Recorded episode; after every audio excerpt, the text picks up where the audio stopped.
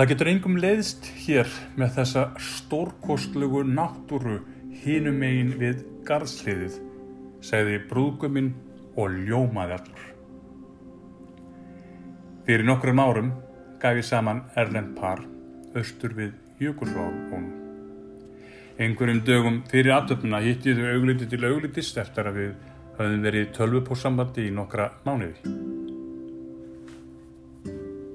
Áður en að fundu okkar varð hafði parið ferðast um næsta nágrinni Reykjavíkur. Þau áttu ekki til auka tekið orð yfir fegur landsins. Ég varða viðkynna fyrir sjálfuð mér að ég hafði ekki komið eða séð með eigun augum marga þá staði sem þau nefndu til sögunar.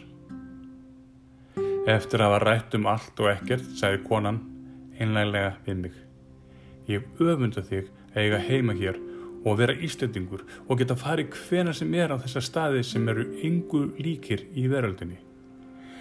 Ég kom kingaði kolli, tók ístútin á þetta, kvílti mér í þögninni, segi ekki að ég hafi pýrt augun. Ég ætla að skoða þessi staði á morgun, hugsaði með mér þegar parið fatti. Mér var hugsað til þessi samtals þegar leið minn um daginn lágum sunnleskar sveitir og uh, veður englarnir brostur hringin í góðviðris kasti. Landið var eitt stort postkort, græn engi og bændur og búalið undir vomandi kvítum jökli, undir brakandi sólinni og stöku túrhestur sem eflust hafa hugsaði gegnum digital myndamjölu eigað að það hliti að vera öfundsvört hlutskipti að vera íslendingur. Nefna hvað að þetta voru líklega landar mínir. Ég sem fyrir að sögkunnugra gaf mér ekki tíma til að stoppa og njóta þess sem útlendingarnir sáu fyrir COVID-tíman, annars vegar kyrláta náttúruna, reyna og tæra loftið. Ég let mér fátt um finnast um fallandi fossa og hjalandi tæra læki náttúrunar sem legur sér eins og barn á leiðin til þess að vera stærri og meiri. Það var þá, en nú er dagarnir allt aðrir og þarf ekki að ræða það hér. Eða eins og einhver sagði í útvarsviðtalum daginn, það er komið tími til að skoða þessar náttúru sem útlendingarnir hafi verið að missa sig yfir undanfæri nár. Já, svo verið sem margur landin sé sama sinnis og þessi ágæti útarsmaður því að í sumar var ekki þverfótað á samfélagsmiðlum að ég held sönnum og heiðarlegum og áður yfirlýstum sófakartöflum sem að risið hafðu upp úr hverstagsmóldinni breytt úr sér svo mjög að við reynlega verkjaði í hvert lið bara við það að hugsa um erfiðið sem sumir lögðu á sig. Stend sjálfa mig að muldra með sjálfu mér hvað kemur til?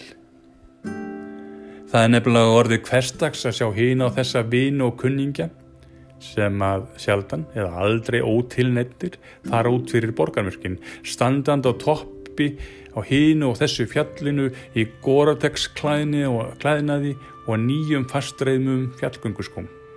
Engin kvikt hann brúsi í hendi og því síður eitt kaldur á kantinum og fínsallagur hvítur sandum millir tanna og til þess að gera hverri fellingu líkamans. Nei, svo hugsun, svo tilfinning varð eftir á suðrættin strönd á samtölum fyrir COVID-tíman og hefur ekki skólan land svo vita sé, þó væri ekki til annars en að hengja upp til þerris til síðari nota. Sandalar, lag og texti latta á suðrættin strönd skólaðist út með útfallin í COVID. Skáldi Tómas heitin Guðmundsson held sér meira heima við í skálskap sínum eins og okkur þessi dagrinni uppálagt samanber eitt fjölmargra ljóða hans fjallgangan sem talar inn í ný raunveru margra í dag ef markam á samfélagsmiðluna.